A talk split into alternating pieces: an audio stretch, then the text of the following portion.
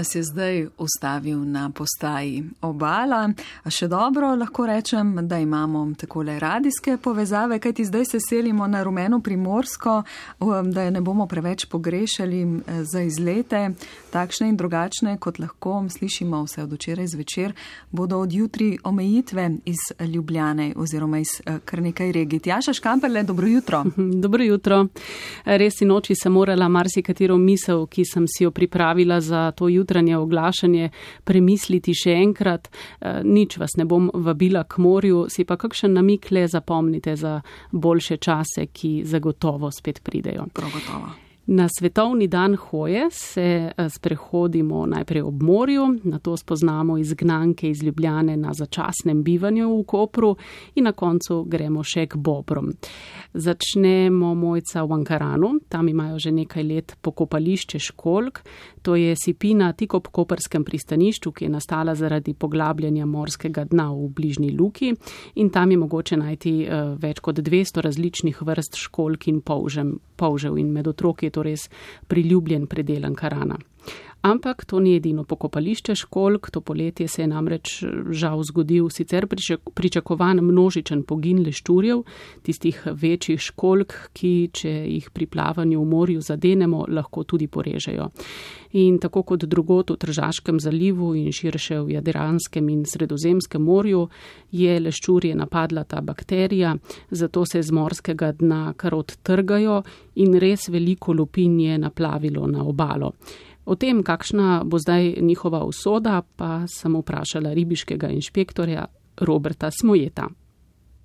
Zdaj, kar se tiče zavarovane živalske vrste, je izvirna pristojnost uh, okoljske inšpekcije. Uh, mi kot ribiška inšpekcija imamo samo pač pooblastilo oziroma smo po zakonu o ohranjanju narave pooblaščeni, da lahko uh, izvajamo kontrolo oziroma izvajamo uh, nadzor. Uh, mi praktično kontroliramo, da se iz narave ne oduzemajo zavarovane živalske vrste, tako žive kot nežive.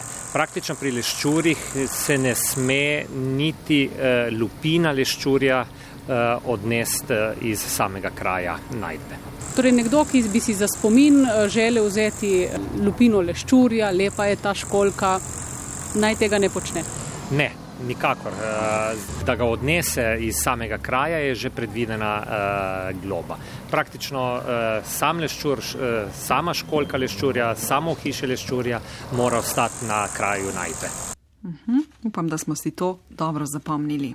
Ja, lupin leščurja so torej ne odnaša domov, lahko pa si fotografijo tega pokopališča mislim, da zelo kmalo gledate na spletni strani prvega, ne mojca. Ja, tako je že kmalo po sedmi, ko bomo ujeli tudi zvočno ta najn pogovor. Tjaša sicer pa, um, ko govoriva o leščurjih, tudi leščurje presajajo, če se ne motim, presajajo tudi rastline, rastline pa lahko tudi potujejo takole na kakšno prizimovanje in ponovim imate prav posebne vrste rastlin tudi v Kopru, prišle so iz Ljubljane kot nekakšne izgnanke, če se malce pohecam, ampak ni tako hudo, povej nam kaj več. Ja, se verjetno ste tudi na prvem že poročali, da botanični vrt Univerze v Ljubljani to jesen ostaja brez rastlinjaka, zato se je biotehnička fakulteta dogovorila z Marjetico Koper, da lahko tam sprejmejo več kot 200 rastlin različnih sort in vrst, predvsem pa sredozemskih in tako so jih naložili na dva res velika tovornjaka in včeraj sem ravno med urejanjem tega začasnega doma v Kopru zmotila profesorja Jožeta Bovcona. To so sredozemske rastline iz različnih koncev sveta, ne? nekatere so tukaj pri vas lahko recimo dejansko od zunaj, ne? uh, nekatere pa ne, ker ne na, ne na zadnje tukaj ni čist pravo sredozemlje, ne? ker smo pač eh, obdani z gorami, to veliko krat pozabljamo, uh, ampak kljub temu uh, je tukaj bistveno več sonca in to je še tisto, ker bo te rastlinam recimo še dodatno omogočalo, uh, da preživijo. Je pa res, da pač uh, Tisto, kar je pa slabo, ker imamo pač te rastline, smo zdaj stlačili v velika šleparja, ne, to pa za rastline ni najboljše, še posebej ne za kaktuse, zato ker kaktusi recimo težko prenašajo premikanje sem pa tja, zato ker so pač tu rastline, ki imajo zelo plitve korenine, so pa nekateri kaktusi tukaj starih od leta 55, recimo to, ker potem so recimo zelo stare rastline, tudi te sredozemke so nekatere tako stare, ker od takrat imamo pač po breku rastlinjak, kjer lahko rastline preživljamo. Seveda rastline potem rastejo, rastejo in je z leti potem treba imeti nove površine in zato je logično, da si botaniki zelo želijo, da bi v Ljubljani le uredili nov rastlinjak, kamor bi te sredozemske rastline vrnili. Sem si zdaj, ko sem poslušala profesorja Balcona, mislila, kaj bi rekle rastline, če bi lahko govorile, no, takole pri 65 letih pa na takšne potepe in dopustovanja na morje. Tjaša, sprehodili sva se ob obali in leščurih, po rastlinjaku, med kaktusi, pa še bobre um, si napovedala. Jaz sem bila danes zjutraj skrivnostna o tem, zakaj bobri, ker vem, da nam boš ti vse povedala. Ja, bobri so pravzaprav predel ob izviru reke Rižane, ki je dobil ime seveda po bobrih. Pred desetletji je bilo teh glodavcev tam veliko na to so izumrli in ime tega predela je ostalo. Tam so bile res pred leti kar zanimive zabave, potem pa se je zgodil stečaj in na zadnje je ta kompleks imela v lasti, so imele v lasti terme Čatež. Letos pa so terme prodale ta kompleks koperskemu podjetniku Walterju Krmacu, ki pa zdaj Bobre obnavlja in v ospredje postavlja zgodovinski dogodek, dogodek, ki se je zgodil v tamkajšnji okolici in to je Rižanski zbor v 9. stoletju. Ehm, na zboru so bili prisotni takrat predstavniki ehm, cesarja Karla Velikega. Ehm, razlog za zbor so bile pritožbe iz stranov in eh, tako mi je Krmac včeraj pripovedoval ob reki Rižani, zakaj bo eh, ta kompleks uredil prav v tem eh, duhu. Ko smo pol dobili objekt v roke, ne, In ko smo se zavedali te veličine dogodka, ki se je zgodil na tem območju, smo rekli, da to moramo ti obvezno nekako ljudem predstaviti in kako lahko predstaviš, da se vživiš v tisto obdobje. Torej, arhitektura, ali pa delna arhitektura tega objekta bo postavljena v srednji vek, v srednji vek oziroma v čas Karla Velikega in to, kar zdaj delamo, še posebej, eh, da imamo reči, jedilnico, bo bil prav eh, spomin ali pa poklon temu dogodku.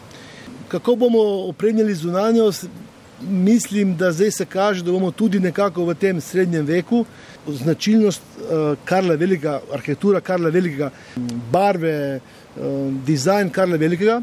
Drugače pa ostati, veste, zdaj, da bi pa šli v komplet to prenovo, da bi imeli tukaj ognišče, zdaj je malo težko. Ne? To smo nekako se odločili, da z ene strani bomo prikazali ali dali pomen temu zgodovinskemu dogodku in ga mu dali svoje obeležje, z druge strani bomo šli pa z kuhinjo pa v zelo inovativno ali pa da rečem tehnološko napredno kuhinjo in ker je tik ob bobrih ribogojnica, si lahko predstavljate, po čem bo dišalo iz te kuhinje. Ja, in za dišalo je tudi že zdaj malo, če smo si lahko zamislili, a, kakšno ribo na žalu. No, zanimivo, takole vidiš a, leta, tiso, leta 804 uh -huh. rižanski zbor in seveda borbe iz stranov za pravice, ne, ki trajajo in trajajo skozi stoletja in stoletja. Tudi to fotografijo oziroma fotografijo iz tega dogajanja si nam pripravila in jo bo kmalo ujela naša spletna stran. Odlično. Um, samo še lep pozdrav, danes deževne, ampak kot smo uh, slišali, zelo rumene primorske pošiljamo v Ljubljano. Morje ima 20 stopinj Celzija, kar pomeni, da se sliši prijetno, čeprav uh, burje pa tudi ne bo menda manjkalo ne, v prihodnjih dnevih. Ne bo in bo zagotovo premešala in se bo ta uh, temperatura um, znižala. Vsi si pa želimo malce prevetritve, to pa, je, to pa je res. Hvala lepa, Tjaša Škamperle, za vse zgodbe in na radijskom potovanjem. Prijeten četrtek voščimo iz Ljubljane in tebi in Eliju Valentiču pošiljamo lepo zdrav iz Ljubljanskega studija.